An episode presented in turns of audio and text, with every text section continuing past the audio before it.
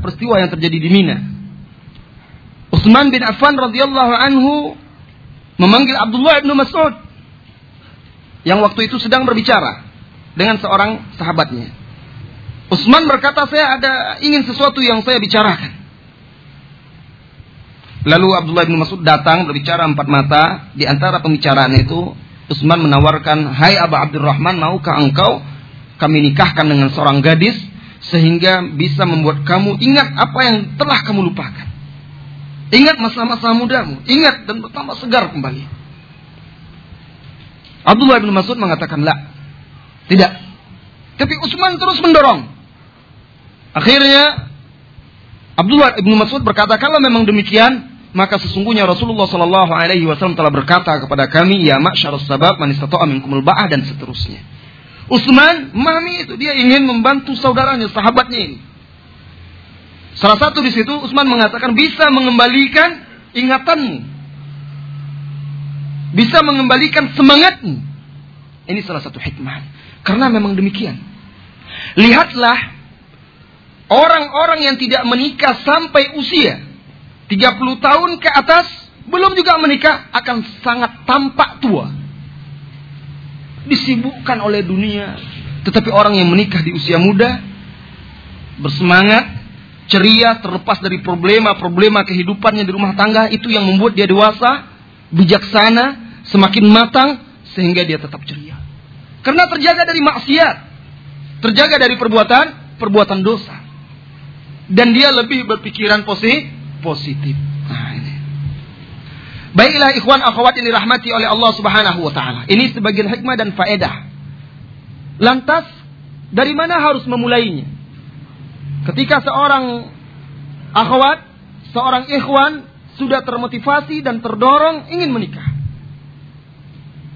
Terkadang kebimbangan, keraguan datang melandanya. Tanda tanya muncul silih berganti. Dari mana saya harus memulai dan bagaimana saya harus memulainya? Yang pertama luruskan niat. Benarkan tujuan dan motivasi untuk menikah. Sebagaimana yang telah saya sampaikan tadi. Ini yang pertama kali seyokianya dilakukan oleh orang yang hendak menikah dan mengarungi samudera yang sangat luas ini. Kenapa? Karena nikah bukan sekedar budaya dan pelampiasan nafsu belaka. Lebih dari itu, pernikahan adalah sebuah ibadah yang sangat agung. Tuntunan yang mulia. Setiap ibadah haruslah ikhlas karena Allah Subhanahu wa taala semata. Ikhlaskan untuk Allah, untuk menjaga kesucian, menjaga agama, menjalankan perintah Allah dan meladani sunnah Rasulnya Sallallahu Alaihi Wasallam. Selanjutnya, setelah kita luruskan niat dan motivasi untuk menikah, muncul masalah lain mencari pendamping hidup pilihan hati. Ini masalah yang susah, susah gampang. Terkadang menyenangkan, terkadang membuat sebagian pemuda stres.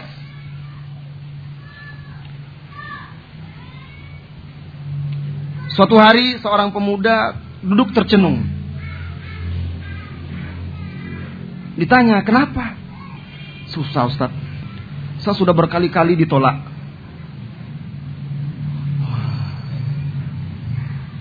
Kenapa ditolak? Iya, ini entah berapa kali ini saya ditolak. Di lain waktu, pemuda yang lain ketika ditanya, katanya kamu udah mau menikah. Udah lama didengar kok belum belum juga. Iya belum dapat juga pilihan hati Ustaz. Kenapa? Belum ada yang cocok.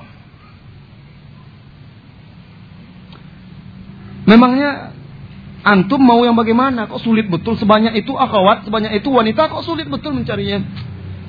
Saya ingin yang pandai bahasa Arab, Ustaz. Kalau bisa hafalan Al-Qur'annya minimal dua juz. Terus kalau bisa bercadar. Wah. Apalagi? Cantik. Begini. Yang satu lagi mengatakan, Ustaz tolong carikan saya uh, calon istri. Mau yang bagaimana? Saya ingin yang mancung, ingin begini, begitu. Ikhwan, akhwat, idealis dalam memberikan kriteria, syarat-syarat boleh saja. Tetapi jangan berlebih-lebihan. Anda boleh saja berharap mendapatkan istri secantik ratu kecantikan. Silakan. Tetapi jangan muluk-muluk, lihat juga diri kita. Iya. Sebagaimana pria menginginkan istri yang cantik, wanita juga menginginkan suami yang tampan. Jangan sampai karena kriteria yang muluk-muluk dan berlebih-lebihan akhirnya menghalangi niat yang baik. Meninggalkan masalah-masalah yang lebih wajib dikedepankan. Ah, bagaimana? Ada akhwat. Mana Ustaz? Yang mana? Oh ini usianya ini. Orang ini. Setelah selidik-selidik, gimana? Aduh, kenapa? Berat Ustaz. Berat kenapa? Gemuk kali. Problema. Seorang akhwat, gadis, sudah banyak pria yang datang melamarnya, meminangnya. Tapi selalu saja ditolak. Orang tuanya sampai heran. Bahkan terakhir datang seorang pemuda dari keluarga baik-baik, punya pekerjaan yang sudah memadai, wajah lumayan, tetapi sang anak, sang putri, sang gadis masih juga menolak, bingung. Ditanya, pokoknya saya nggak cocok aja.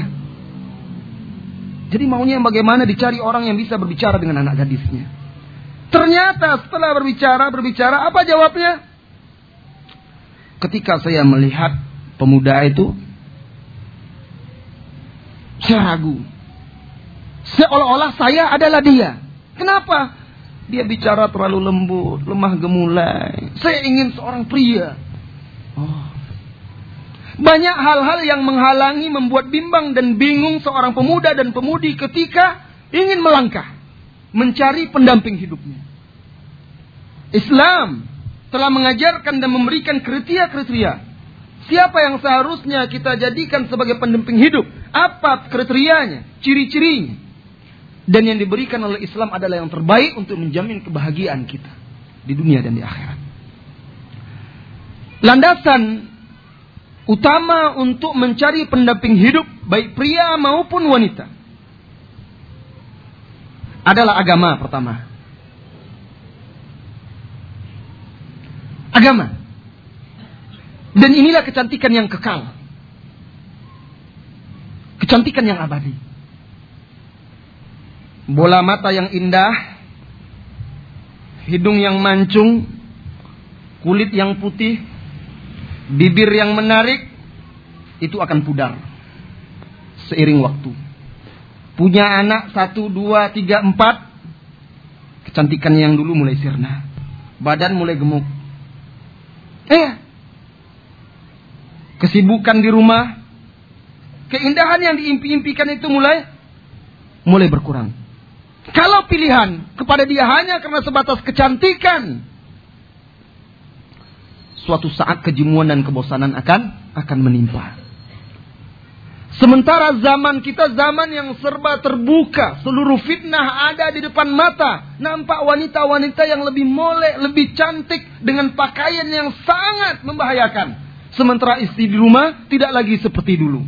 Fitnah melanda karena pilihan pertama kecantikan. Orang yang cantik banyak. Akhirnya keimanan berkurang, naudzubillah mulailah mencari penyaluran dan pelampiasan. Mudah-mudahan setiap kita dijaga oleh Allah Subhanahu wa taala dari fitnah. Harus agama yang dijadikan sebagai sebuah standar utama, landasan utama dalam memilih pasangan baik pria maupun wanita. Rasulullah sallallahu alaihi wasallam bersabda, "Tungkahul mar'atu li arba'." Wanita itu dinikahi oleh kaum pria karena empat hal. Lima liha bisa jadi karena hartanya. Ah, menikah. Biarlah usianya agak tua, Nggak apa-apa, tapi dia hmm, punya usaha, punya toko, punya ini. Lumayan. Ada juga orang tujuannya seperti itu untuk menikah. Ah? Ada. Wali hisabiha. Karena kedudukannya. Anak pejabat. Punya kedudukan di mata masyarakat. Wali jamaliha karena kecantikannya. Ada juga orang menikahi karena kecantikannya. Kenapa kamu memilih dia? cantik Ustaz. Ketika salah seorang kecewa karena sang wanita menolaknya, lalu menjadi beban pikiran, lalu ditanyakan, kenapa sih udah banyak yang lain? Iya, tapi saya udah cocok kriterianya Ustaz. Apa sih? Mantap. Sehingga agak kecewa dan berkecil hati. nilai dari agamanya. Karena Rasulullah Shallallahu Alaihi Wasallam mengatakan walidinia dan karena agamanya fadfar bidatid din pilihlah wanita yang memiliki agama taribat yadah. Niscaya engkau akan beruntung. Niscaya engkau engkau akan beruntung. Begitu juga wanita. Hadis ini diriwayatkan oleh Imam Bukhari dan Muslim. Begitu juga wanita Rasulullah Shallallahu Alaihi Wasallam bersabda kepada para orang tua dan wali, "Iza atakum man tardawna dinahu." Jika datang kepada kalian seorang pria yang kalian ridhoi agamanya wa khuluqahu dan akhlaknya. Wahai para akhwat, wahai para pemudi, wahai para orang tua, dua kriteria ini Rasulullah berikan. Agama dan akhlak. Agama dan akhlak. Iza atakum man tardawna dinahu wa khuluquhu jika datang kepada kalian orang yang kalian ridhoi agama dan akhlaknya fazawwijuhu atau fankihu maka nikahkanlah wa illa takum fil ardi fitnatun wa fasadun kabir jika kalian menolaknya sudah memiliki agama sudah memiliki akhlak yang mulia ditolak karena hartanya karena sukunya karena ini itu dan lain sebagainya yang tidak syar'i. Takum fil ardi fitnatun wa fasadun kabir. Terjadi fitnah fitnah dan kerusakan yang besar di muka bumi. Uh, Syekh pengarang kitab Aunul Ma'bud, penyarah kitab Sunan Abi Daud, Aunul Ma'bud menjelaskan dalam syarahnya ini maksud fitnah dan kerusakan yang besar ini akibatnya zina menyebar luas dan merebak. Dan fitnah-fitnah kemaksiatan lainnya. Ikhwan akhwat yang dirahmati oleh Allah Subhanahu wa taala. Kecantikan memang dibutuhkan. Bahkan dalam hadis tadi Rasulullah Sallallahu Alaihi Wasallam ada isyarat bahwa kecantikan itu dibutuhkan. Lihatlah tadi di awal saya bacakan hadis Nabi, salah satu sifat wanita yang solihah, apabila dilihat dia membuat suaminya suka dan senang. Salah satu seseorang membuat suka dan senang enak dipandang karena can, cantik, karena tampan. Walaupun itu bukan mutlak. Dan kecantikan ini berbeda-beda dari satu tempat ke tempat lainnya. Dari satu bangsa ke bangsa lainnya. Dan dari satu zaman ke zaman yang lainnya. Di satu negeri, kecantikan itu dinilai kalau orang berkulit putih. Di Afrika mungkin lain lagi nilai kecantikannya. Tentu tidak sama dengan di negeri kita. Di Arab menilai kecantikan lain lagi. Dan begitu seterusnya. Dari masa ke masa juga berbeda. Di zaman Siti Nurbaya mungkin seorang yang cantik itu lain lagi. Agak gemuk, begini, begitu. Di zaman sekarang mungkin yang ramping, ini, ini. Akan tetapi di zaman sekarang di mana dunia itu seolah sebuah kampung yang kecil. Karena globalisasi. Dan mudahnya komunikasi. Maka hampir-hampir seluruh manusia sama persepsi mereka tentang sebuah kecantikan walaupun itu tidak mutlak. Namun satu hal, pria pada umumnya menilai kecantikan wanita dari penampilan fisik. Kecantikan wanita di mata pria itu umumnya dari penampilan fisik. Itu sudah umum. Berbeda dengan wanita. Ketampanan di mata wanita, ketampanan pria tidak mutlak di wajah. Tidak mutlak di fisik. Tetapi agama dan akhlaknya, kepemimpinan dia. Wanita dia akan lebih membutuhkan dan merindukan seorang pria yang betul-betul pria. Yang memiliki tanggung jawab, memiliki amanah, dan dia lihat ada tempat dia berlindung. Oleh karena itu, ketika dia melihat seorang pria yang nampak memiliki tanggung jawab, kedewasaan dan amanah, seorang wanita lebih mudah menerima. Berbeda dengan pria, banyak sekali ketat sekali seleksi terhadap nilai kecantikan pada pada wanita. Jadi yang pertama, patokan adalah agama. Dan di mana wanita-wanita beragama ini bisa kita dapatkan. Begitu juga pria-pria yang memiliki agama dan akhlak yang mulia. Bisa didapatkan di tengah keluarga yang soleh. Di tengah keluarga yang soleh. Bisa juga didapatkan di majelis-majelis ta'lim. Halakoh-halakoh ilmiah. Di sanalah para pemuda dan pemudi yang terbina di atas akidah yang benar ibadah yang benar, nilai-nilai Islam yang benar. Dan para orang tua, wali wajib memilihkan yang terbaik untuk anak-anaknya, khususnya perempuan. Dengarkan kisah yang terjadi pada ayah Abdullah ibnul Mubarak. Siapa yang tidak kenal Abdullah ibnul Mubarak? Imam besar, seorang imam mujahid di zaman tabi'in. Bapaknya Al-Mubarak adalah seorang budak. Seorang budak yang bekerja pada tuannya dari Banu Hanzalah. Bekerja sebagai tukang kebun. Namanya Mubarak, bapaknya Abdullah. Suatu ketika tuannya datang berkunjung ke kebun tersebut. Lalu tuannya berkata, Mubarak, ambilkan saya buah delima. Diambilkan buah delima dibuka, dicicipi, masam, kecut, dibuangnya. Kenapa engkau ambilkan yang kecut, yang masam? Ambilkan yang manis. Diambil lagi oleh Mubarak. Dicoba begitu juga, masam juga. Sampai yang ketiga kali, kamu mengerti tidak? Saya itu minta buah yang manis. Kamu apa tidak bisa membedakan selama ini bekerja kamu tidak bisa membedakan yang manis dan yang masam? Saya tidak bisa membedakannya karena saya tidak pernah merasakan dan mencobanya. Subhanallah. Bertahun-tahun dia bekerja menjaga dan merawat kebun tersebut. Tapi dia tidak pernah merasakan. Ditanya kenapa kamu tidak pernah memakannya? Karena engkau tidak pernah memberi izin kepada saya wahai tuanku. Kagum, heran dia. Apa ada orang yang seperti itu? Diselidikinya kepada pekerja-pekerja yang lainnya ternyata memang benar Mubarak tidak pernah memakan buah yang ada di kebun tersebut.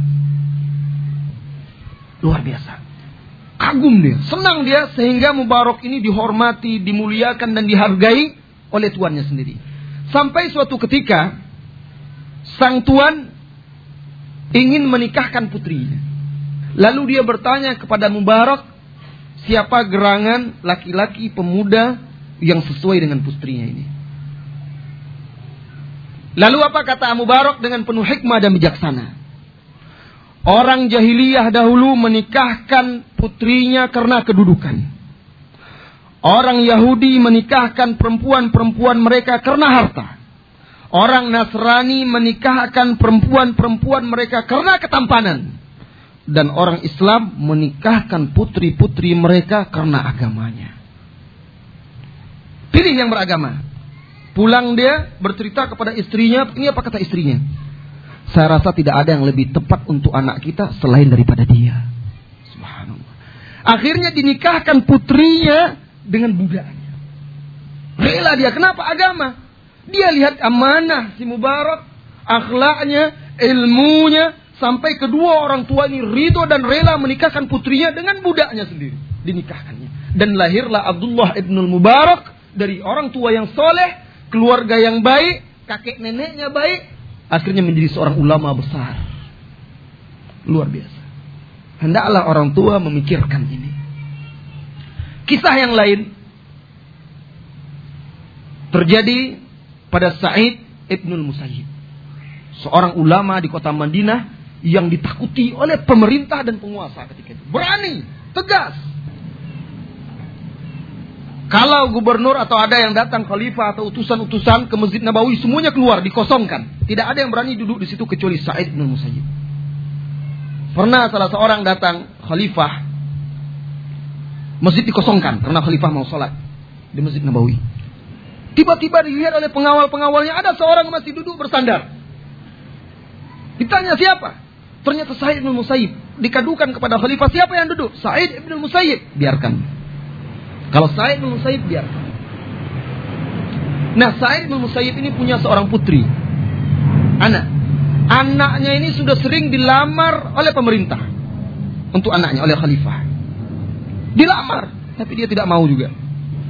Anak presiden melamar putri kita, siapa yang tidak mau? Hah? Luar biasa. Tetapi dia malah memilih muridnya yang bernama Abu Wada'ah. Abu Wada'ah ini salah seorang muridnya yang sudah menikah lalu istrinya meninggal.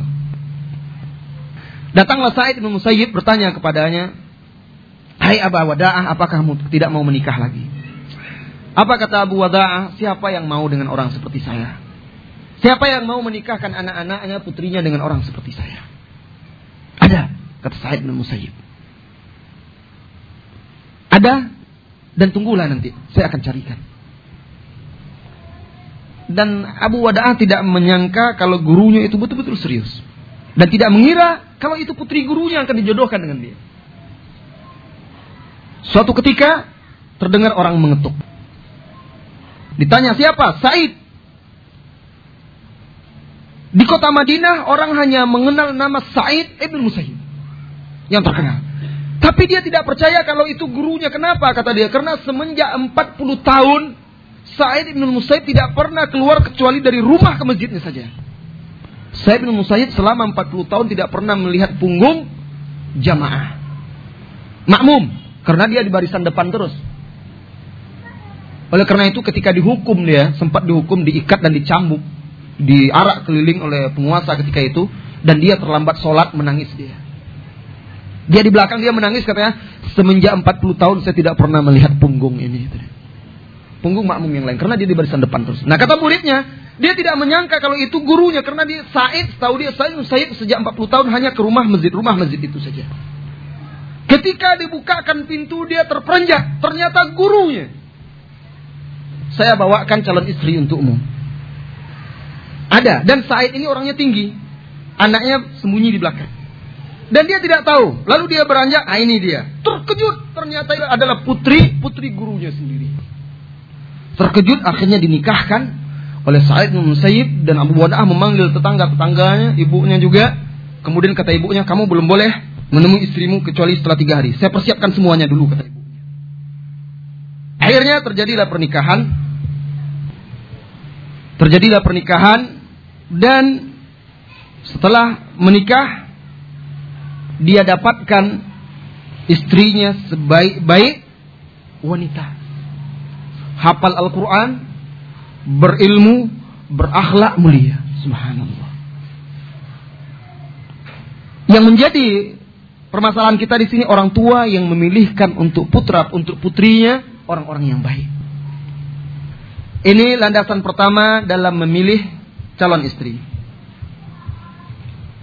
Kemudian yang kedua yang perlu diperhatikan oleh setiap pemuda dan pemudi yang hendak menikah setelah agama dan akhlaknya kemudian juga perlu dilihat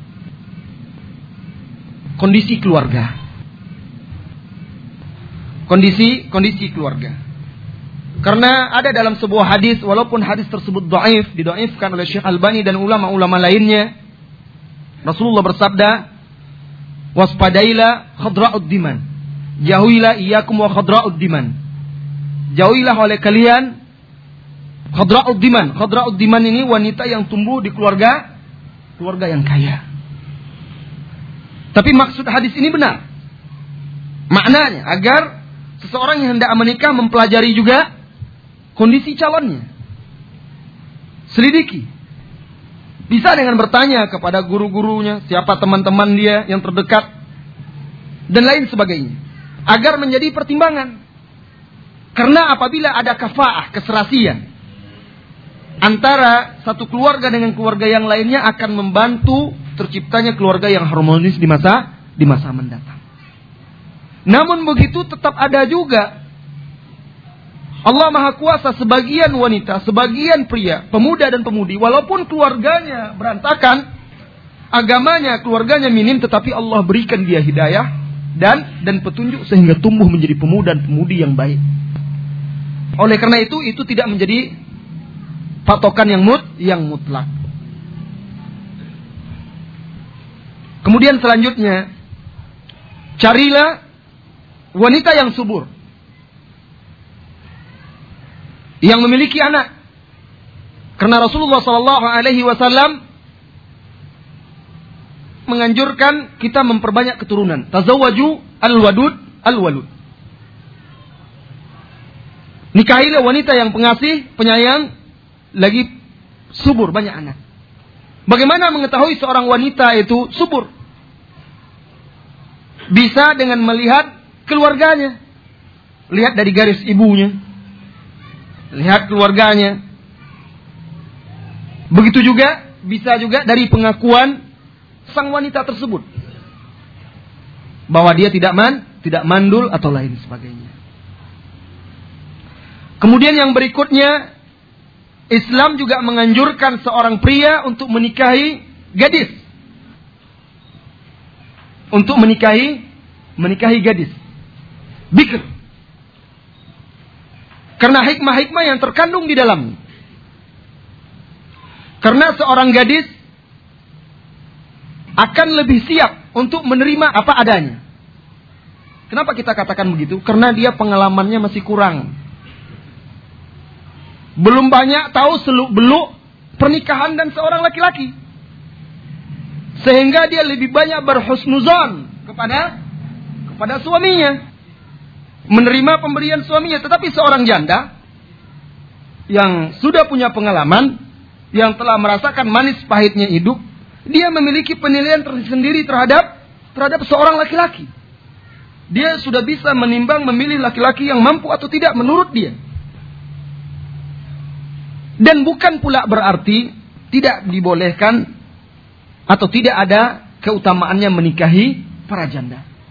Karena apabila tujuan menikahi para janda untuk mengayomi mereka, menyelamatkan mereka dari fitnah, itu juga memiliki keutamaan. Karena Rasulullah Sallallahu Alaihi Wasallam menganjurkan hal tersebut.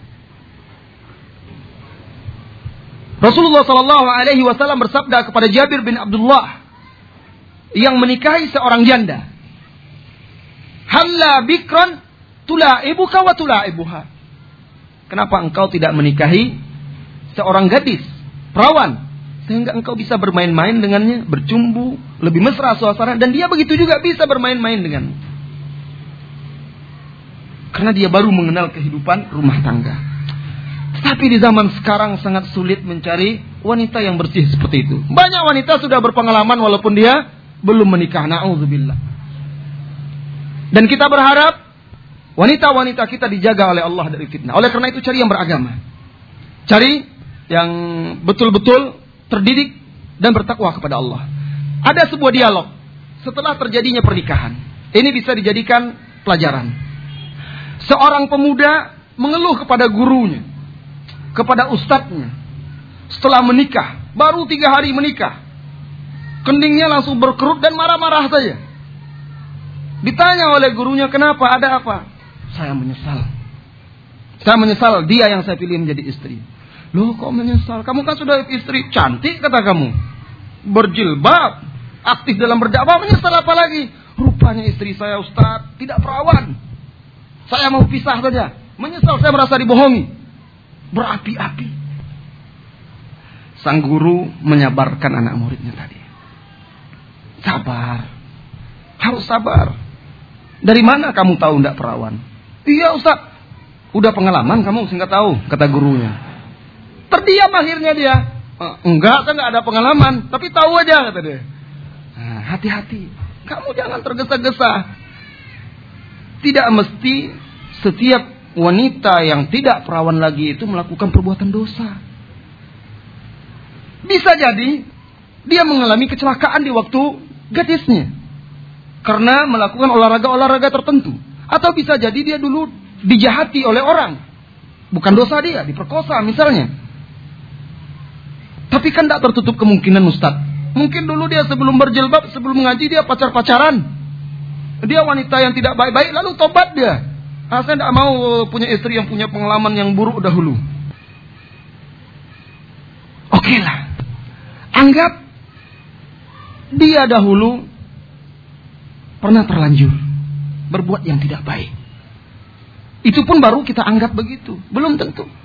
Tetapi kan dia sekarang sudah bertobat, sudah menjadi wanita Wanita yang baik-baik, kamu sendiri bilang dia bercadar, begini dan segala macam. Kamu puji dahulu. Nah, tadanya dia sudah menjadi wanita yang baik, apalagi yang menghalangi. Allah Maha Penerima, Maha Penerima taubat. Tapi ini berat bagi saya, Ustaz. Beban. Saya harus bicara dengan dia, tapi saya tidak harus tahu harus bagaimana bicara dengan dia. Ketahuilah, kata gurunya tadi, Seseorang yang melakukan dosa besar sekalipun. Lalu dia betul-betul bertaubat kepada Allah taubatan nasuha. Memperbaiki dirinya. Maka dia jauh lebih baik dari orang-orang yang melakukan dosa-dosa kecil dan tidak bertobat kepada kepada Allah Subhanahu wa taala. Lihat ketika seorang wanita yang berzina di zaman Nabi Shallallahu alaihi wasallam lalu bertobat, mengaku dan meminta dirajam, disucikan dirinya kepada Rasulullah Sallallahu Alaihi Wasallam karena takut dosa, lalu dirajam. Khalid Muwalid merajamnya dengan batu sehingga darahnya menciprati pakaian Khalid bin. Khalid bin Walid langsung mencelanya, mencela wanita tadi. Rasulullah Sallallahu Alaihi Wasallam langsung menegur Khalid bin Walid. Laqad tabat taubatan sungguh perempuan ini telah bertobat lawuziat kalau dibagikan untuk penduduk Madinah ini lakafat. Dibagi-bagikan taubatnya ini untuk penduduk Madinah ini pasti akan mencukupi. Lihat, seorang yang bertobat betul-betul bersih di sisi Allah. Nah, apa yang menghalangi Anda sehingga terlalu tergesa-gesa seperti ini? Dan kalaupun Anda harus berbicara juga, Anda harus berbicara dengan hikmah, bijaksana, lembut, tidak boleh main tuduh. Harus tetap berbaik sangka. Dan kalau ternyata terbukti juga Anda tidak bisa juga harus bercerai juga, janganlah seketika itu bercerai. Karena baru tiga hari menikah sudah mau cerai. Apa nanti pandangan pandangan masyarakat?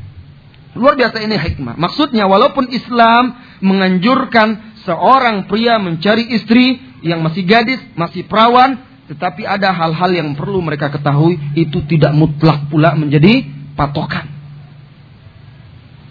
Tidak mutlak menjadi menjadi patokan. Bahkan jangan sampai itu menghalangi dia untuk menikah pula.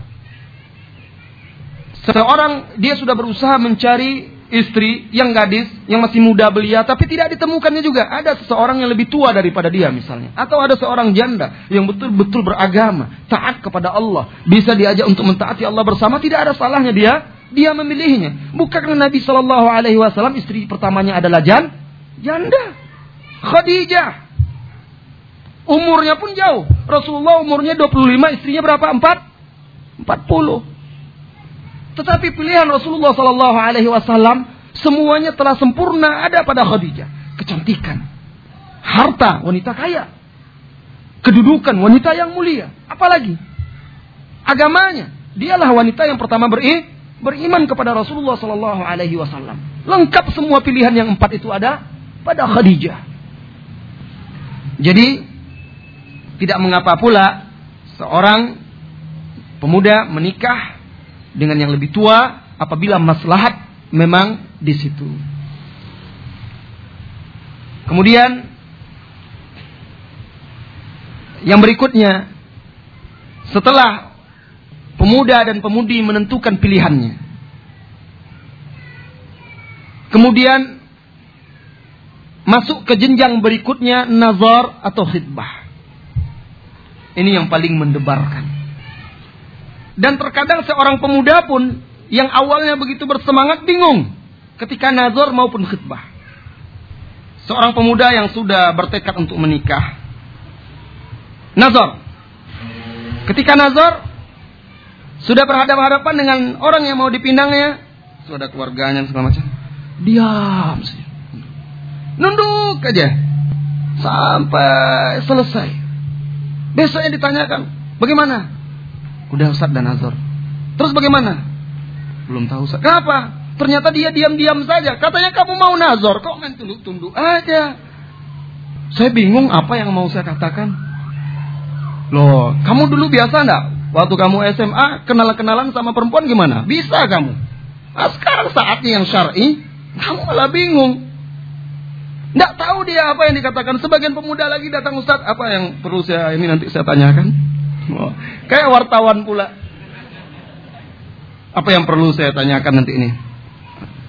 Berikut ini ada sebagian pertanyaan-pertanyaan yang perlu ditanyakan baik oleh seorang pemudi maupun seorang pemuda ketika nazar atau khidbah. Dan pertanyaan ini tidak mutlak harus seperti itu. Ini hanya untuk membantu. Sebagian manusia memiliki kelebihan masing-masing. Ada orang yang memang dia bisa berbicara. Ada orang yang memiliki mental. Ada orang yang terkadang ketika dihadapkan kepada sesuatu itu sudah nyata, dia bingung. Sampai seorang ikhwan yang sudah lama belajar agama ketika mau nikah pun karena pernikahan itu sebuah yang sakral. Yang mulia, yang dibesarkan, diagungkan sehingga suasana itu terkadang membuat seseorang itu down. Ketika akad, padahal sudah lama mengaji, bingung, patah-patah, bingung sampai akhirnya Pak kau ada minum dulu, minum dulu, minum dulu. Padahal dia sudah lama mengaji, mungkin sudah hafal dia lafaznya itu. Pakai bahasa Arab pun mungkin dia bisa. Nah ini memang ada orang yang seperti itu juga. Nah mungkin ini pertanyaan-pertanyaan yang saya berikan ini bisa dicatat.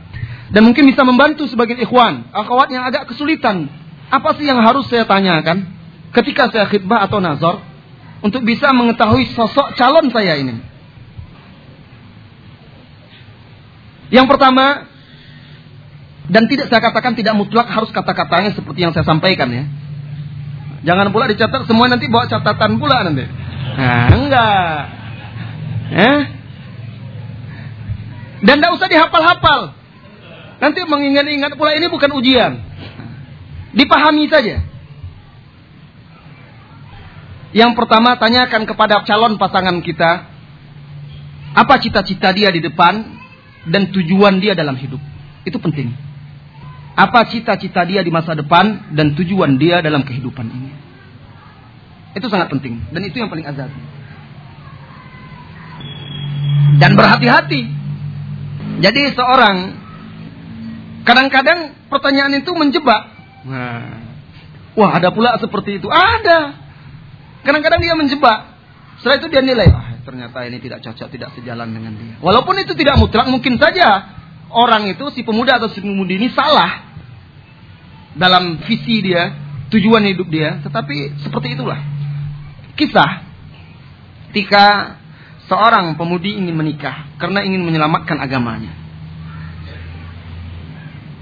Lantas dia ingin salah satu syarat dia untuk terbebas dari pelanggaran-pelanggaran itu karena dia bekerja di sebuah tempat yang di situ banyak pelanggaran-pelanggaran syar'i menurutnya. Salah satu syaratnya dia harus nikah nih, baru bisa keluar dari situ. Akhirnya dia mencari calon pendamping hidupnya. Majulah seorang ikhwan misalnya. Maju seorang ikhwan dia tanya, Akhi, nanti kalau kita sudah menikah, saya tetap bekerja di sini, ngajar bagaimana? Kalau saya tetap bekerja di sini. Ah. Ikhwannya mungkin tidak menyadari maksud pertanyaan sang akhwat. Oh, enggak apa-apa. Itu bisa saja kita lihat, kita atur nanti. Sang akhwat butuh ketegasan. Butuh ketegasan sebab dia berada di tempat yang menurut dia tidak sesuai dengan selama ini yang dia pelajari. Dan dia ingin lepas tidak ada cara lain kecuali dengan menikah. Dan dia itu yang ingin dia dapatkan. Dia tanyakan. Wah ya nanti bisa kita lihat. Nggak apa-apa lah nanti bisa kita lihat. Jawaban-jawaban politis lah. Tidak tegas. Keesokannya. Ternyata si akhwat, si perempuan langsung memutuskan tidak jadi. Ketika saya tanyakan kenapa. Nampaknya saya tidak sejalan Ustaz. Kenapa? Saya sudah tanyakan begini begitu. Ternyata lain. Oh kamu tidak berterus terang sih bertanyanya. Yang itu pertanyaan saya seharusnya dia paham. Dia kan sudah mengaji. Dia sudah belajar. Selama ini dia duduk di majelis di halakoh bagaimana? Apa dia tidak paham yang itu? Ya, saya bisa apa lagi? Akhirnya ya sudah tidak jadi. Nah ini. Pertanyaan ini penting untuk mengetahui bagaimana sosok orang yang ada di hadapan kita. Karena setiap manusia memiliki target dalam kehidupannya, tujuan dan angan-angan. Dan apabila tujuan itu bisa sejalan, tentu akan membantu jalannya, harmonisnya jalan rumah tangga mereka nanti. Yang kedua, tanyakan kepada orang yang datang Wahai akhwat orang yang datang kepada melamar anti atau begitu juga ikhwan yang maju untuk meminang atau menazar seorang akhwat tanyakan bagaimana pemahaman kamu tentang sebuah rumah tangga atau pernikahan. Bisa jadi dia menikah itu karena semangat-semangat saja. Mentang-mentang baru sudah pengajian daurah masalah di ambang begitu pernikahan langsung semangat kan. Wah besoknya langsung nazar, khidbah. Pola pikir dia belum matang, belum dewasa. Tanyakan kepada dia. Bagaimana pemahaman dia tentang sebuah rumah tangga? Pemahaman dia tentang sebuah keluarga tentang suami istri dan pernikahan. Tanya. Wah berat juga kalau begitu. Memang berat, harus persiapkan makanya jangan hanya modal semangat doang. Menjalankan sunnah, menjaga agama dan segala macam. Tidak, memang harus dibutuhkan kedewasa, kedewasaan. Apakah tujuannya? Misalnya, pokoknya saya ingin dapat anak dan keturunan saja. Ataukah tujuannya mungkin saya menikah ini karena ya sudah kebutuhan sebagai manusia. Sebagian perempuan kadang ditanya, kenapa kamu menikah? Saya ingin mendampingi suami, punya anak-anak, punya keluarga yang harmonis. Itu angan-angan wanita. Jadi ada sekali. Macam-macam tujuan orang. Nah dari sini kita bisa mengetahui kedewasaan seseorang itu melaju untuk menikah. Yang ketiga, tanyakan kepada dia sifat-sifat yang ingin didapatkannya atau dilihatnya pada pasangan hidupnya. Apa sih sifat-sifat yang disukainya pada pasangannya? Ingin yang bagaimana? Nah, ini tanyakan juga. Wah, berat nanyakannya malu. Kalau malu tidak usah ditanyakan, tapi itu bisa bisa jadi juga. Kirimkan pertanyaan-pertanyaan ini kepada dia, biar dia jawab. Mungkin dia juga mengirimkan pertanyaannya. Dan itu sangat bagus. Kemudian yang keempat, perlu juga tanyakan. Tanyakan menurut Anda atau menurut antum atau menurut anti kalau seandainya sudah menikah apakah perlu mendapatkan anak di tahun-tahun pertama atau bagaimana? Nah, ini juga perlu. Mungkin sebagian mengatakan ah itu terlalu sepele Ustaz, nggak terlalu penting pertanyaan yang seperti itu. Tapi berapa banyak sebuah rumah tangga akhirnya cekcok dan tidak berjalan dengan bagus karena sang suami mungkin ingin mendapatkan anak segera. Sang istri lain lagi, oh, sekarang saya kan masih belajar nih, masih kuliah, kan pernikahan dini ceritanya. Nah, kan masih kuliah mungkin. Kita masih kuliah nih, jangan dulu lah, biar selesai dulu. Yang satu begini, begitu. Perlu ada sebuah kesatuan, kesepakatan. Lihat. Atau mungkin dia, tidak memahami kondisi istrinya belum siap untuk memiliki anak di tahun pertama. Kondisi kesehatan atau lain sebagainya. Tanyakan. Atau sang suami yang juga belum ingin memiliki anak di tahun-tahun pertama. Nah ini pandangannya ditanyakan. Dan juga yang kelima boleh berhak seorang yang melamar menazar begitu juga sebaliknya yang dinazar berhak menanyakan masalah kesehatan kepada calonnya dan juga masalah aib-aib. Kalau dia malu bisa melalui peran perantara. Masalah kesehatan dan aib. Lihatlah Rasulullah Sallallahu Alaihi Wasallam menolak seorang wanita yang ternyata memiliki sakit kusta. Setelah diketahui oleh Rasulullah dia punya penyakit di tubuhnya, ditolak oleh Rasulullah Sallallahu Alaihi Wasallam. Dan Umar bin Khattab juga memeriksa ketika dia ingin menikah dengan putrinya Ali bin Abi Thalib menyingkap betisnya disingkap karena ingin memeriksa melihat keadaan. Sebab terkadang penyakit-penyakit aib-aib yang disembunyikan bisa membahayakan sebuah rumah tangga. Akhirnya seseorang nanti salah satu pasangan merasa dibohong, dibohongi dan didustai. Kemudian juga tanyakan dan cari informasi calon pasangan kita. Apakah dia seseorang yang biasa bergaul